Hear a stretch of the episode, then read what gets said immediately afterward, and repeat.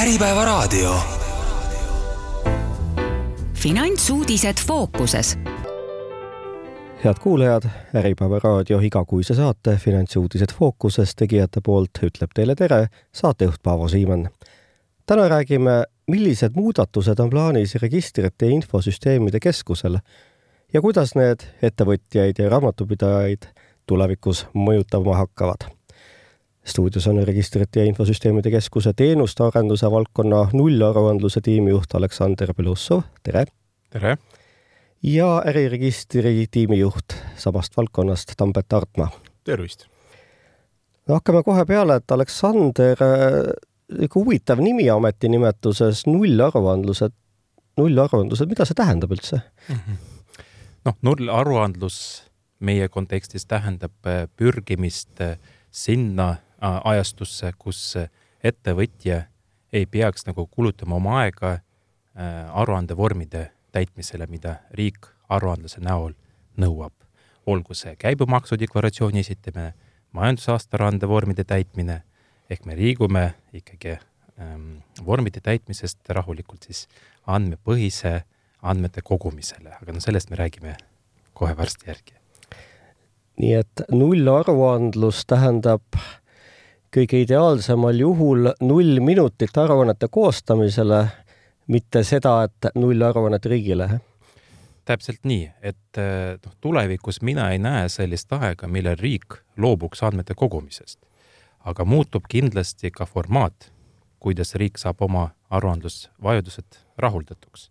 ehk eh, me ei soovi näha, et eh, inimesed kulutaks aega pelgalt vormide sisestamisele, täitmisele ja esitamisele, kui tegelikult nad on oma andmed tegelikult andmed juba on, omavad oma majandustarkvarades, kus nad on siis esialgse kande tegemise ajal kogu vajaliku info sinna ära sisestanud, ehk tahame seda taaskasutada ja tänu sellele tegelikult minimeerida aega, mis kulub siis riigiga suhtlemiseks põhimõtteliselt äh, nulli lähedale.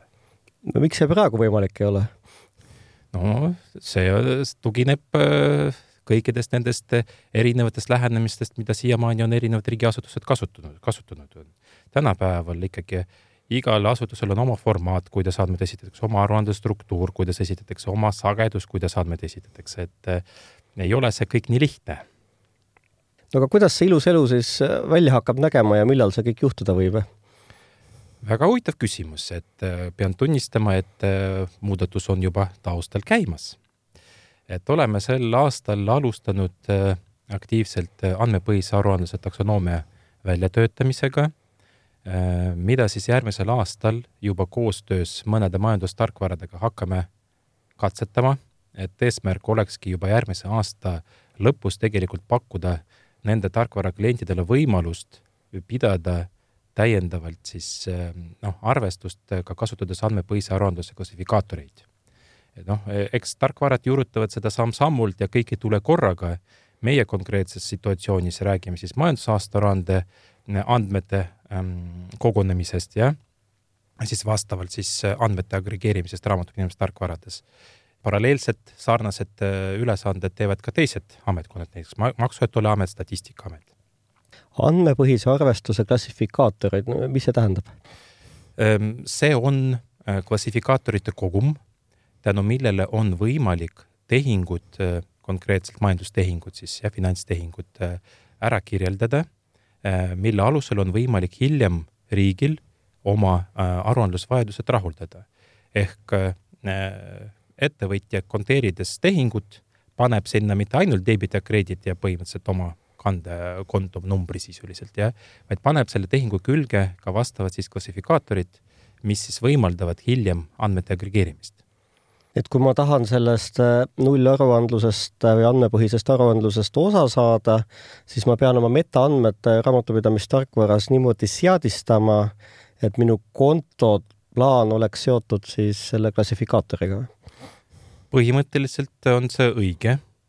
tekib erinevaid klassifikaatoreid, konkreetselt siis äh, nii majandustehingute kirjeldamiseks kui ka täiendava informatsiooni siis talletamiseks majandustarkvarades. aga jah, see on õige lähenemine, jah kas see klassifikaator on siis, nagu öeldakse, riigi poolt ette antud kontoplaan või? ta ei ole päris kontoplaan, aga üks klassifikaatoritest on kindlasti kontoplaaniga ligilähedane, mida konkreetselt meie hakkamegi haldama. aga sealt tuleb hulga muid klassifikaatoreid, mis siis kogu selle maagiat tulevikus võimaldavad. kui ma olen nüüd raamatupidaja kõike seda kuulan, et mida ma nüüd peaksin tegema ja mis ajakavas need asjad kõik hakkavad mind mõjutama?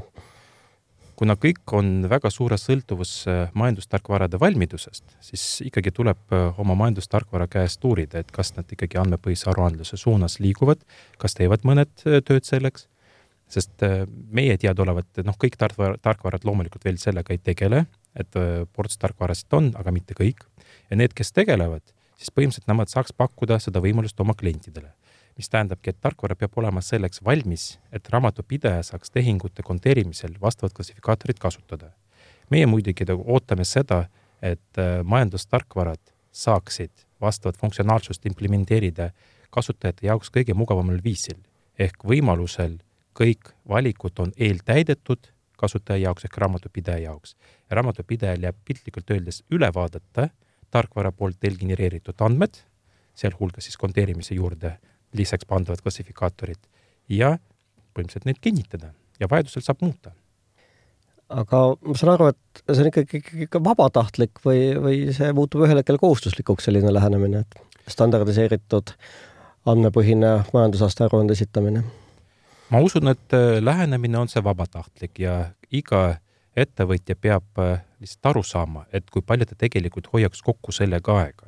et kui nagunii raamatupidaja kirjeldab täna tehinguid oma raamatupidamistarkvaras, siis kui tulevikus enam ei pea kulutama palju aega selleks, et riigile andmed esitada, siis äh, see on täiesti võidetud aeg ettevõtja jaoks. aga ta on ikkagi vabatahtlik ja praeguse seisuga küll, jah. kas see on mingi Euroliidu direktiivi ülevõtmine või see on meil ka kohalik initsiatiiv võimalikult äh, tõhusalt aega kasutada? kas ta on päris kohalik, on äh, võib-olla valesti öelda, sest tegelikult mitmed riigid äh, liiguvad äh, andmete põhisele aruandlusele, näiteks ka soomlased, meie naabrid, jah. et siin, siin kindlasti see variant noh, ei saa nagu niimoodi käsitleda ja et no kuidas tarkvaraarendajad need mõtted vastu võtsid, et kas keegi on juba valmis ka saanud? Need tarkvaraarendajad, kellega me oleme ühendust äh, võtnud ja kes on meiega ühendust võtnud, sest äh, hiljuti oli avatud taotlusvoor, äh, mida siis EAS koostöös MKM-iga toetavad just nimelt andmepõhise aruandluse juurutamiseks, juurutamise katsetamiseks. Need majandustarkvara esindajad, kes meiega ühendust võtnud, me oleme kõigiga jaganud esialgse siis meie poolt koostatud klassifikaatorite ütleme niimoodi, malli, jah, kontseptsiooni kuidas me seda plaanime kasutada, ehk küsisime ka nende hinnanguid, et mis nad arvavad, kas seda oleks võimalik nende juures implementeerida ja põhimõtteliselt kõik, kes, kellega me oleme ühendust saanud, on meie ideest aru saanud ja seda valdkonda toetavad. kõige võib-olla olulisem nagu mainida, noh, miks nagu üleminek andmepõhisele aruandlusele on oluline, on see, et sama formaati ja sama kontseptsiooni hakkavad kasutama erinevad riigiasutused mis tähendab majandustarkvara jaoks üheaegset ja mm, implementatsiooni sooritamist, et tänu millele on võimalik äh, sama lahendusega tegelikult katta erinevad äh, aruandlusvajadused perspektiivis aga võib-olla ma ei tahagi riigiga nii hoogsalt andmeid jagada, et vastupidi, ma hoian just riigiasutustest nii kaugele, kui saab. see võimalus kindlasti säilib selleks kindlasti on ka meil plaanis eh, uut eh, majandusaasta porta-, portaali arendada, mis on tänasest portaalist kindlasti kasutajasõbralikum, sest see on peamine aspekt, millele me täna tähelepanu pöörame uue portaali arendamisel ja tegelikult me kaasame hästi palju äh, välistestijaid, kelleks võivad olla kas või väikse ettevõtja juhatuse liikmed väikse ettevõtte äh, Äh, pideva raamatupidaja või siis äh, need raamatupidajad, kes äh, riigile esitavad tänu, tänavu üle kahe tuhande aruande aastas. nii et millal võiks siis esimesi selliseid aruandeid oodata, mis andmepõhiselt esitatud on? ma arvan, et kui järgmise aasta lõpuks on nendes majandustarkvarades, kes täna meiega koostööd teevad, on oma lahendused teinud, siis aastal kakskümmend kakskümmend viis juba saab riigile hakata andmeid esitada. tegelikult juba tänavu on võimalik äh, äh, vastava kontseptsiooni alusel Statistikaametile esitada andmeid palga, palga osas. aga see on see esimene nii katsetusprojekt, mis on siis aastaid tagasi oli loodud, mis nüüd edasi areneb, jah. aga kui me räägime majandusaasta aruande koostamisest ja raamatupidamise aastaaruande osa siis eeltäitmisest, andmepõhise aruandluse siis funktsioonina, jah, siis ma usun, et see saab siis olema juba kahe, kahekümne viiendal aastal tõsi küll, kui majandustarkvarad või need võimalused pakuvad alles nüüd äh, järgmise aasta lõpust, suure tõenäosusega me ei näe veel aktiivset kasutust äh, kakskümmend, kakskümmend neli aasta kohta majandusaastarande esitamisel, sest terve aasta ei saanud ju kannetele need mappinguid teha. mis tähendabki, et reaalselt võib-olla meie puhul on äh, äh tajutav kasvu tuleb alles aastal kakskümmend, kakskümmend kuus.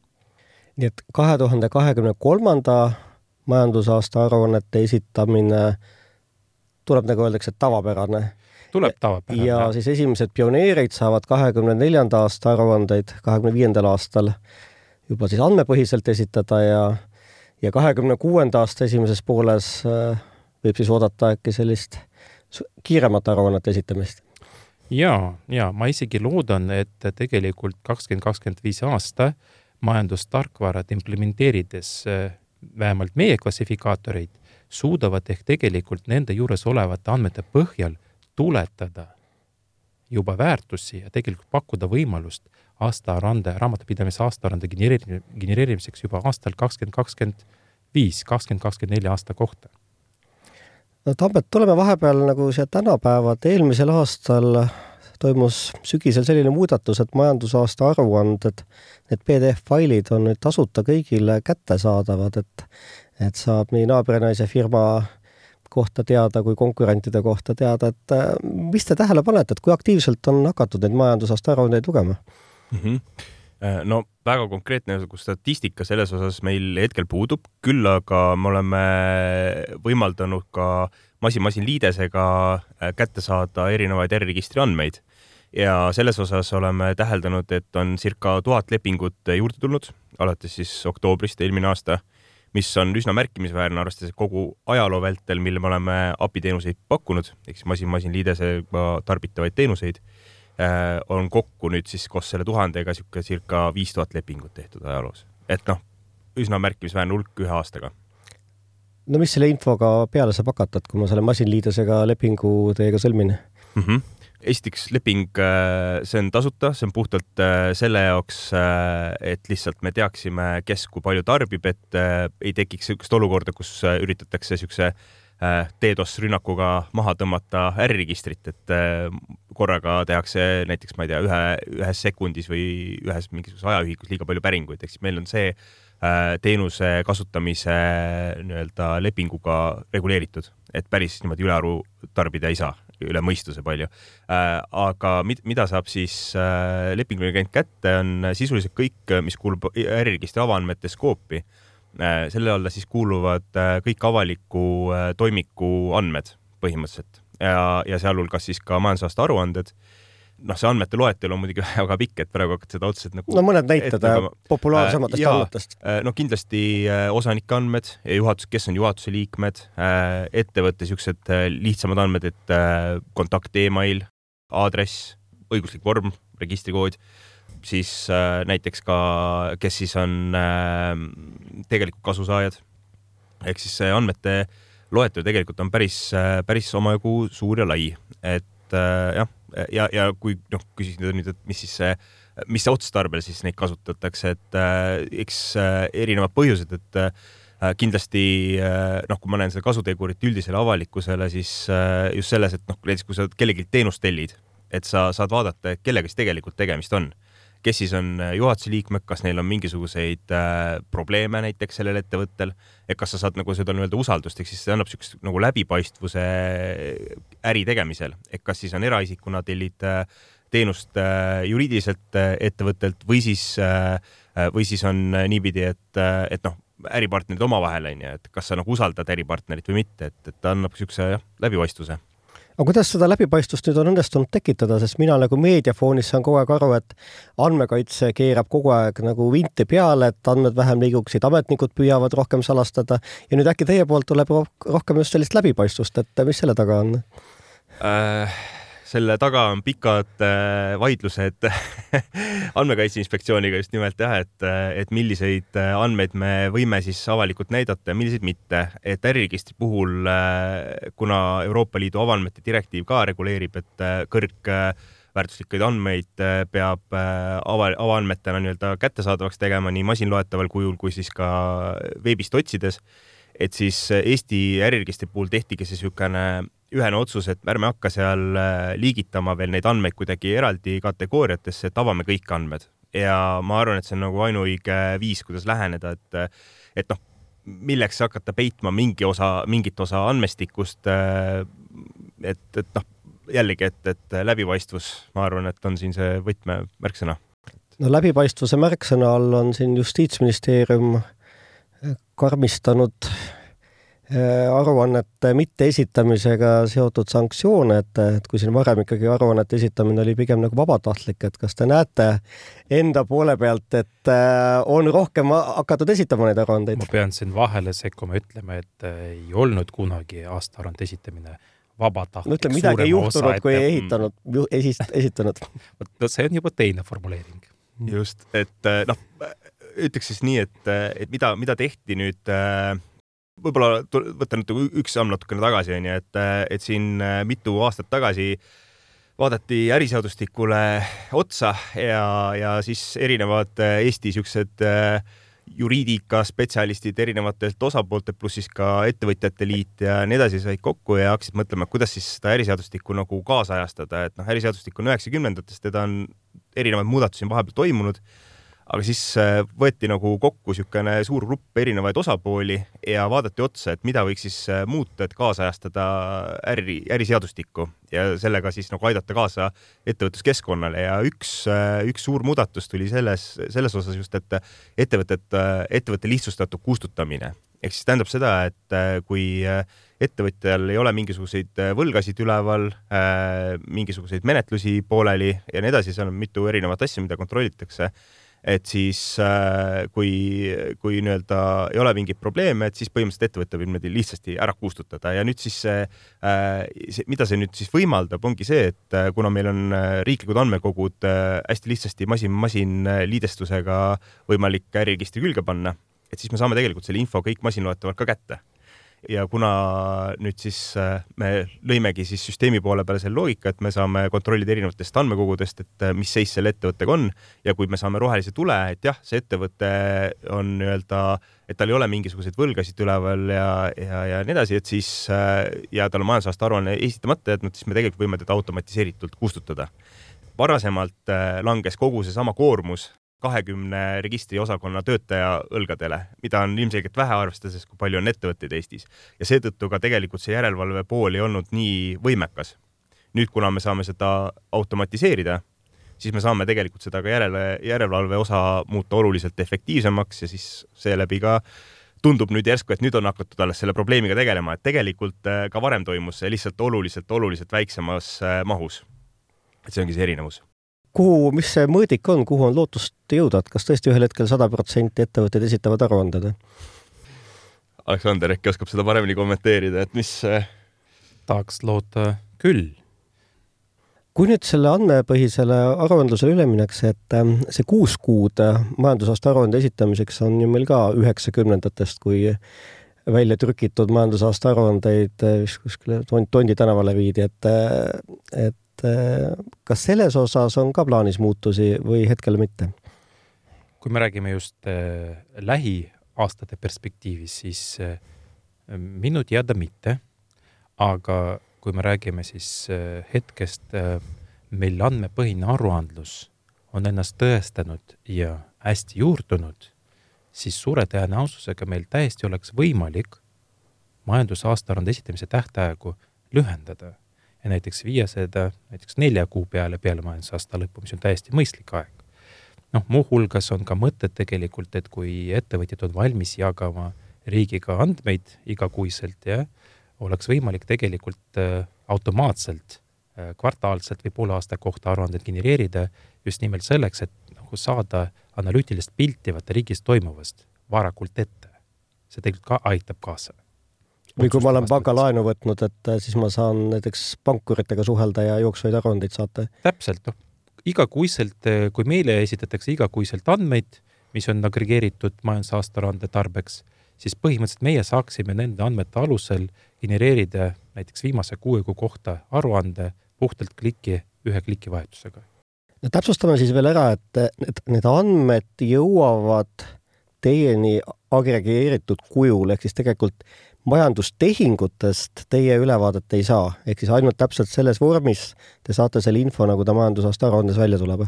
põhimõtteliselt selline plaan on ja et äh, kõik koguda üksikpulgi detailseid andmeid tähendakski automaatselt ka teatud äh, ärisaladuste küsimuse äh, lekitamist, et noh, või riigile andmist, mis ei ole võib-olla hea praktika ja eesmärk andmepõhisel aruandlusel ikkagi koguda tehinguid agregeeritud kujul minimaalsele vajalikule tasemele vastava asutuse tarbeks.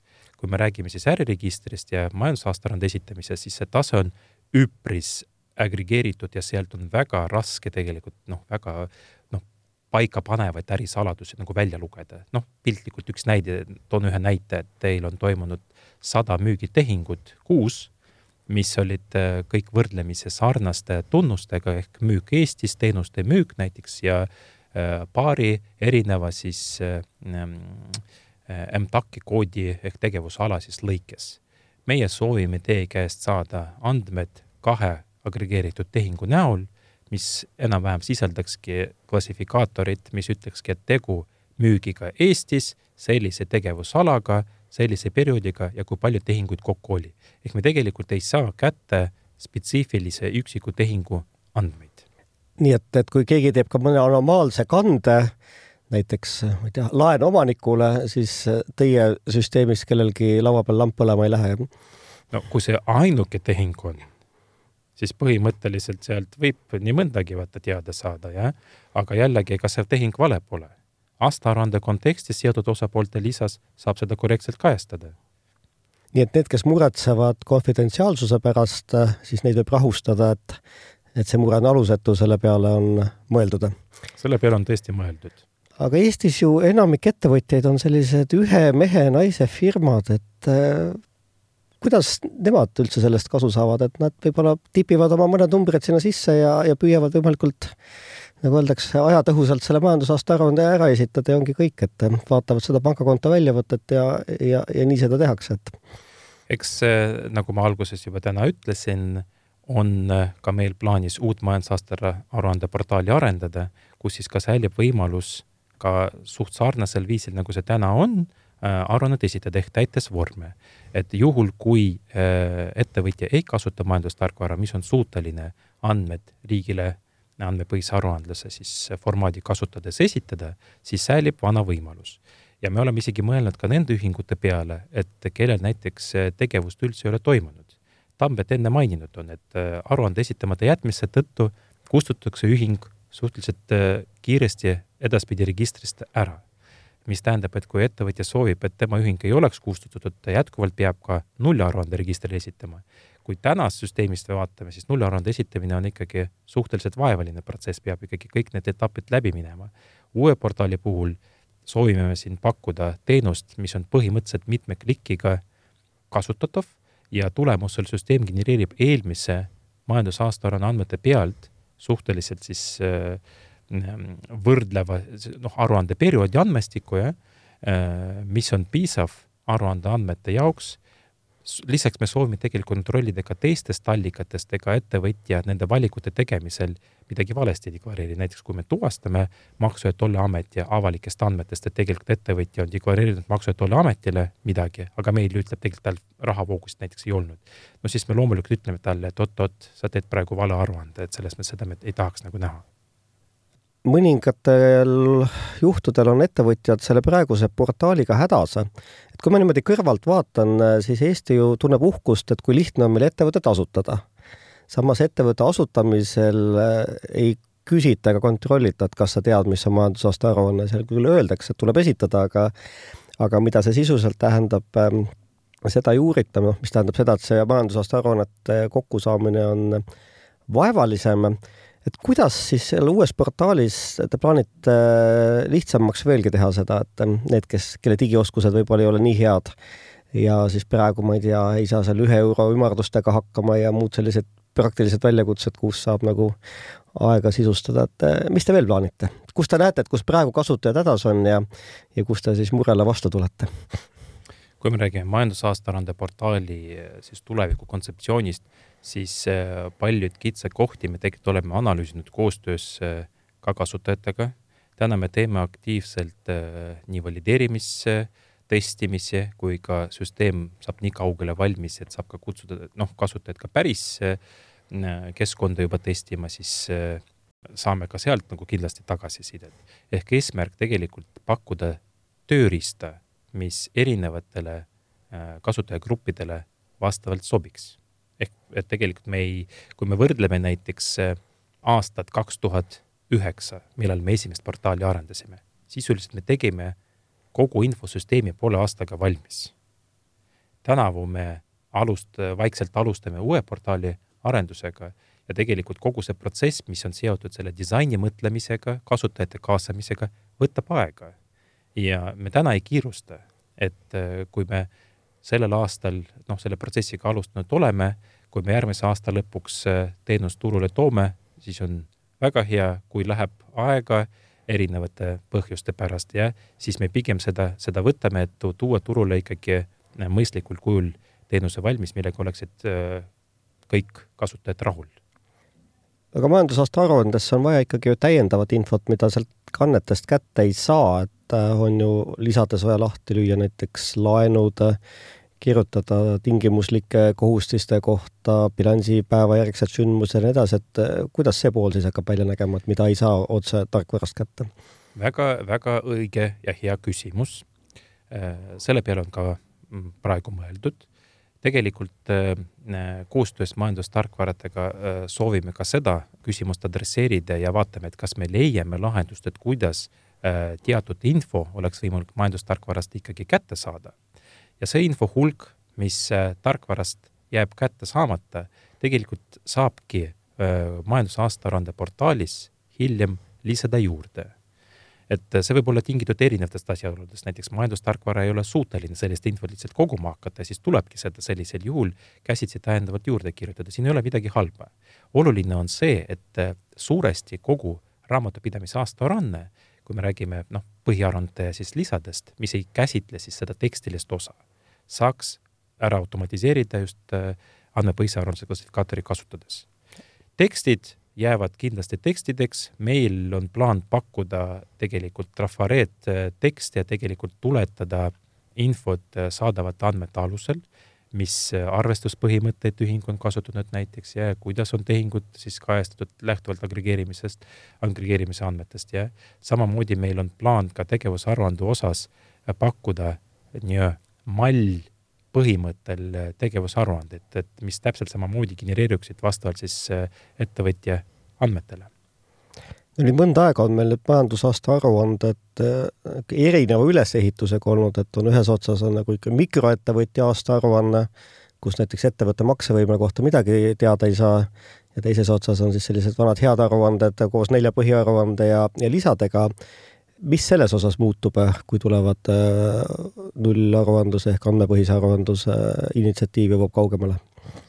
eks see on ettevõtetel otsustada, et selles mõttes, et needsamad kategooriapõhised aruande siis formaadid tulenevad tegelikult ka Euroopa direktiivist, mis tegelikult võimaldavad mikroettevõtjal võimalikult vähem andmeid riigile esitada. samas, kui ettevõtja soovib, täna on ka võimalik vabatahtlikkuse alusel valida kõrgema kategooria siis aruandevorme, siis esitada riigile rohkem andmeid.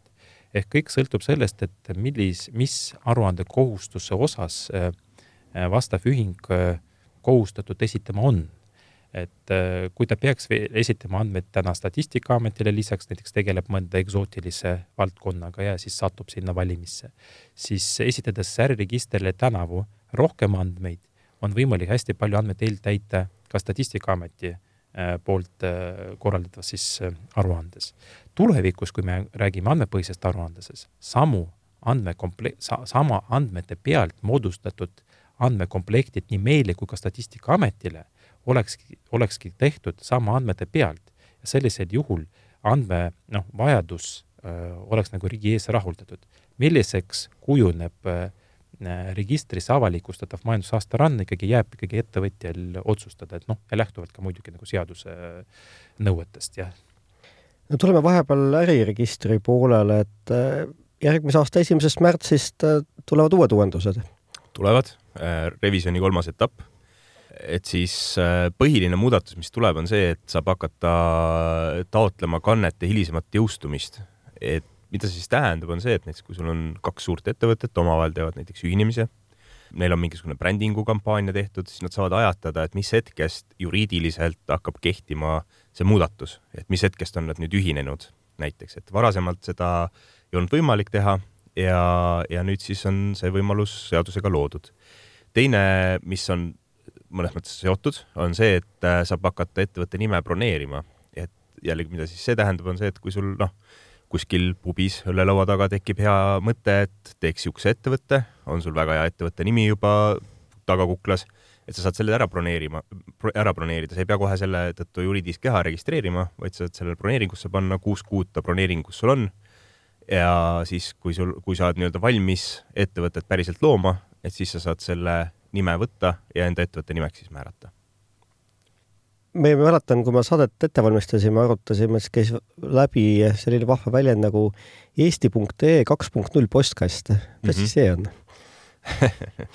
väga küsimus, et äh, selle postkasti mõte, seda siis arendab RIA, mitte RIK äh,, on äh, tuua äh, ametlik äh, Eesti postkast kõikide nii-öelda riigiportaalide juurde. Ehk siis äh, kui praegusel hetkel on ta tsentraalselt eesti.ee portaalis, siis tulevikus niisuguse äh, tehnilise lahenduse nagu microfrontendi abil tuuakse ta erinevate riigiportaalide juurde ja sealtkaudu siis on äh, võimalik saada kätte nii kättetoimetatud, kätte toimetatud infot, mis siis on juriidiliselt reguleeritud konkreetse, konkreetsete seadusaktidega, info, mille vastuvõtmisel siis hakkavad mingisugused menetluse tähtajad näiteks jooksma ja siis lisaks sellele ka igasugused teated, et noh, näiteks KOV saadab mingisuguse teate, et mingisugune kogunemine on kuskil või mis iganes see teate sisu võiks olla.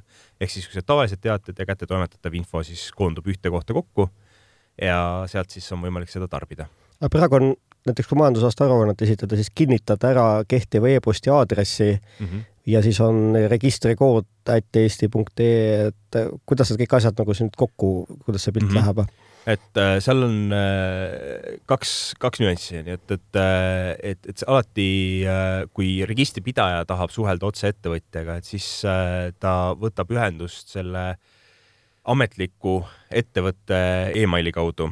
küll aga kui nüüd on vaja midagi noh kätte toimetada, et siis lisaks sellele, et see kättetoimetatav info saadetakse sinna ametlikule meilile, saadetakse ka kõikide seotud nii-öelda juhatuse liikmete meilidele siis, mis on eesti.ee-ga seotud, ehk siis noh, see kodaniku eesti.ee meil et ühesõnaga rohkem kanaleid lihtsalt, kus see info kohale jõuab, sest äh, noh, praktikas tihtipeale ettevõtte meile küll sisestatakse, aga ega ettevõtjad väga palju ei jälgi seda sinna saadetavat infot, et noh, täiesti oleneb, on ju, ettevõtjast, aga, aga väga palju äh, on nagu näha ka seda, et ignoreeritakse. et kui mingisugust infot registripidaja saadab aga loetakse kättesaanuks siis, kui ma olen sinna peale vajutanud või vaikimisi loetakse kättesaanuks, kui on saadetud? ei, tegelikult äh, praegusel hetkel ikkagi äh, jälgitakse seda, et sa oled selle nii-öelda avanud, alla laadinud äh, või siis äh, meil on veel tegelikult üks paralleelne lahendus äh,, mille nimi on kättetoimetamisportaal, kuhu siis äh, osad riigiportaalid saavad äh, suunata kasutaja enne seda, kui nad lubavad üldse e-teenust kasutada, suunatakse, kui on kättetoimetatavat infot, suunatakse kättetoimetamisportaali ja kättetoimetamisportaalis on siis kolm varianti, kas sa laed alla nii-öelda üksikult need failid, laed alla kõik failid korraga, mis sul on kätte toimetatud või siis sa lihtsalt märgid, et ma olen selle kätte saanud, ehk siis lihtsalt ütled riigile, et jah, ma annan märku et mina olen seal need dokumendid vastu võtnud ja sellega loetakse see kättetoimetatuks.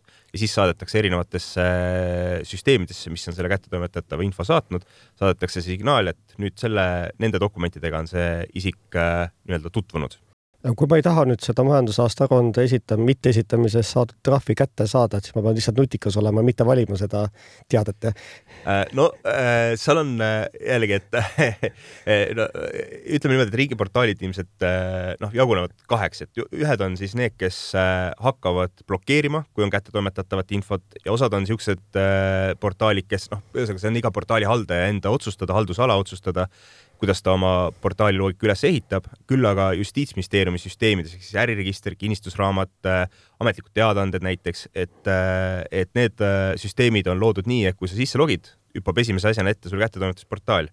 Ja kui nüüd sa seal vastu ei võta neid dokumente, ega sa sinna teenusesse ka sisse ei saa, ehk siis see on nagu sihuke piits ja präänik, võtad vastu, saad portaalile ligi, ehk siis kui sul ikkagi on vaja esitada mingit infot või vaadata mingit infot siis sellisel juhul pead sa ikkagi sisse logima ja, ja siis äh, sa ei saa seda teha. nii et sul... seaduskuulekus äh, võib, või paraneb. aga mida seal äriregistris ja mida te veel pakute, mida inimesed väga kasutada ei oska, aga te olete kõik valmis teinud seal mm, -hmm. seal on igasuguseid visualiseeringuid ja igasuguseid nuppe on juurde tulnud mm. -hmm ja mida et... soovitate kasutada, et nüüd reklaami teha? jah, äh, seoses avaandmete tulekuga oleme loonud hulga erinevaid võimalusi Äh, äriregistrisse just nimelt andmete tarbimiseks, siis äh, üks neist on äh, kindlasti visualiseeritud äriregister, mida me soovitame vaadata. varasemalt oli see lepingu taga.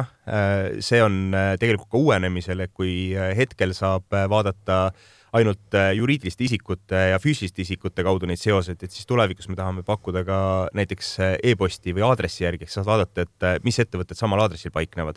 Ja ta tekitab niisuguse visuaalse silmaga lihtsasti hoomatava skeemi mida on võimalik siis nii-öelda laiendada, minna nii-öelda sügavamale jäneseurgu, vaadata, et kes millega seotud on. Ja, ja seeläbi noh, jällegi läbipaistvus, eks ole, et kui sa lõpuks jõuad kuskile välja, kus on mingisugune ärikeeluga tüüp istub, et, et siis, siis saadki noh, nii-öelda vaadata, et kes, kuidas siis need seosed tekivad. ja teine võib-olla niisugune väga hea teenus, mis me oleme teinud, on ka nii-öelda valikuline väljatrükk ehk siis äh, äriregistri andmed, sa saad ise valida täpselt, et mis andmesette sa tahad oma nii-öelda väljatrükile saada, et juhul, kui sul on vaja paberil viia või siis PDF-iga kuskile esitada näiteks, et äh, siis sa saad tegelikult täpselt andmeplokkide järgi võtta välja selle info, mis äh, sul vaja on.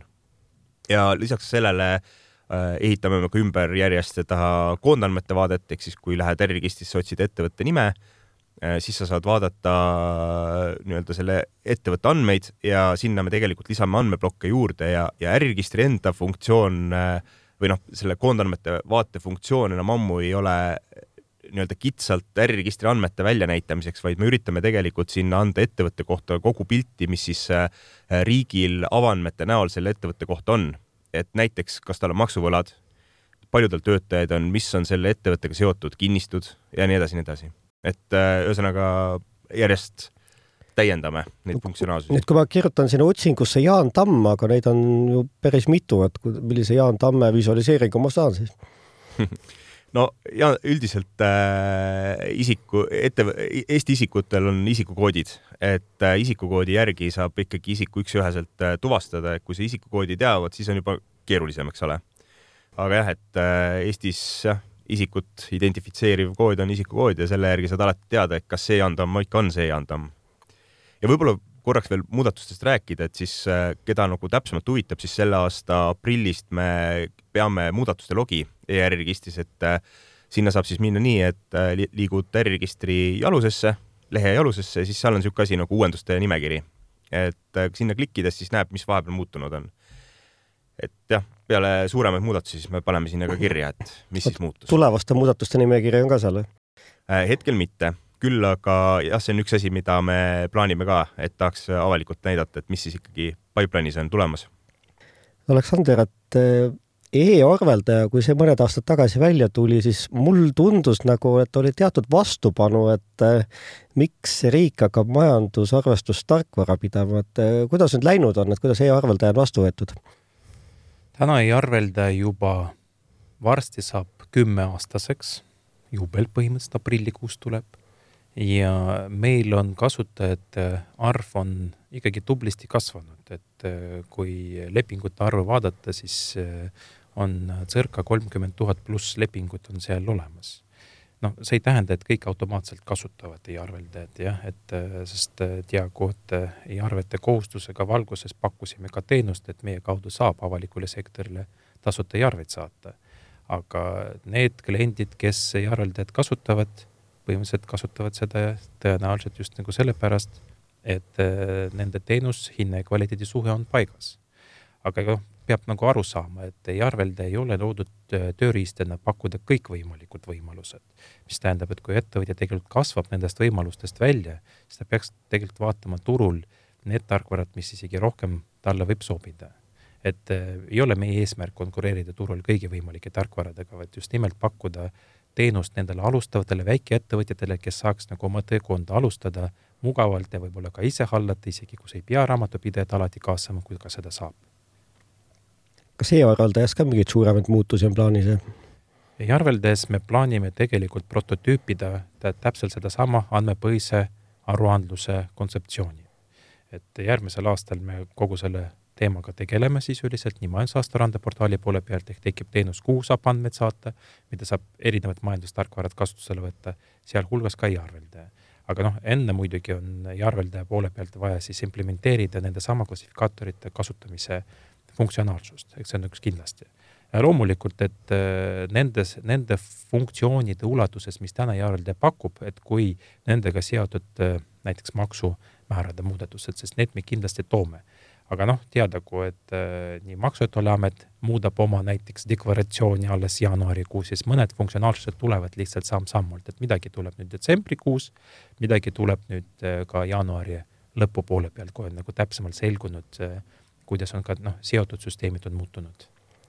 niiviisi on palju huvitavaid mõtteid ja tuleviku suundumisi läbi käinud, et kas me oleme seal Euroopas pigem või maailmas innovatsiooni eesotsas nendega või, või õpime kelleltki nende pealt, et?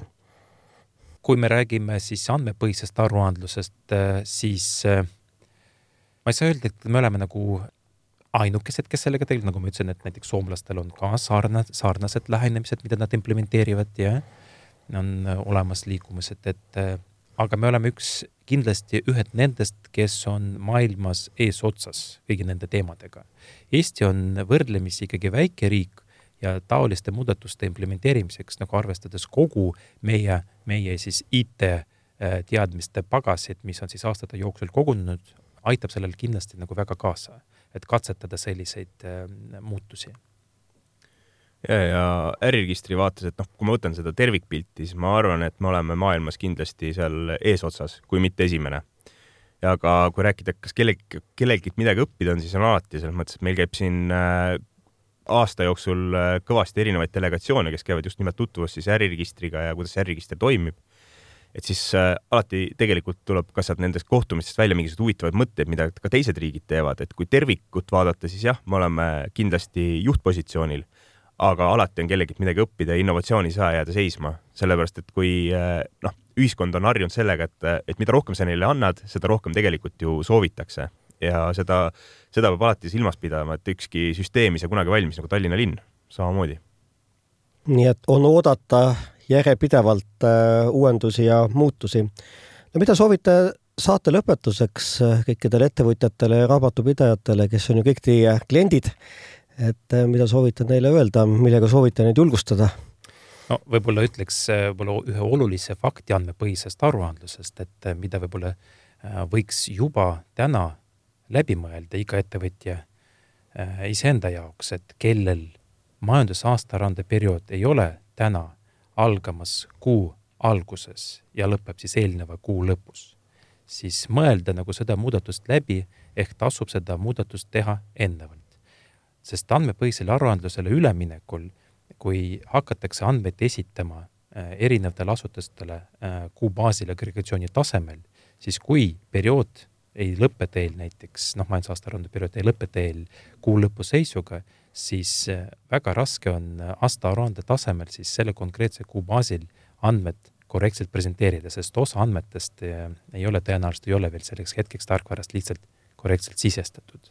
et see on üks oluline äh, fakt, mida tasub nagu ette, ette nagu ära teha. kas Eestis saab üldse suvalisel kuupäeval majandusaastat täna saab ja tegelikult äh, meil on noh, tehtud ka ettepanek Justiitsministeeriumile, et äh, seda teemat käsitleda ja tulevikus piirata suvalise perioodiga aastaaruande lisamist, me räägime ikkagi noh, noh, sa saad suvalisel perioodil alustada ettevõtlusega, siin ei ole probleemi, jah.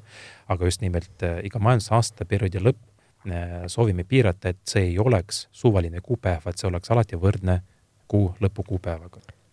Aleksander, veel üks kiire küsimus, et võib-olla siin mõnel kuulajal nüüd pea läks juba sassi neid nullaruandlused, aru, aruandepõhine lähenemine ja reaalaja majandus on ka veel üks termin, kuidas need seotud on? otseselt kindlasti seotud ja see on ka seotud tegelikult selle minu viimase selle ettepanekuga. Sest eh, noh, reaalmajandus on noh, loomulikult keskendub võimalikult reaalajast nagu edast-, noh, kogutavatele siis kasutatavatele andmetele, jah.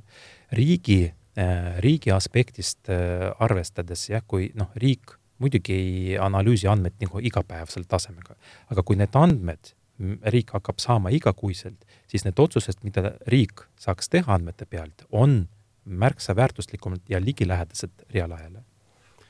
Võib-olla ma vastan ka veel sellele küsimusele kiirelt, et mida ma soovitaksin, on see, et äh, meil on siin äh, järgmise aasta esimeses pooles äh, valmimas niisugune tagasiside, funktsionaalsete tagasiside andmise võimalus ja kindlasti soovitame kõikidele e-registri kasutajatele seda võimalust kasutada ja konstruktiivset tagasisidet anda, sest täpselt sellele tagasisidel põhinevalt me saame ka süsteemi paremaks teha et tagasisidest saab edasiside. just suur tänu, Tambet Artmaa ja Aleksander Belussov ja palju jõudu teie tegemistes. Aitäh! head kuulajad, selline oli Finantsuudised fookuses kolmeteistkümnendal detsembril aastal kaks tuhat kakskümmend kolm. helipildi eest hoolitses Andres Laanem, mina olen saatejuht Paavo Siimann. ilusat jõuluaega ja kuulmiseni!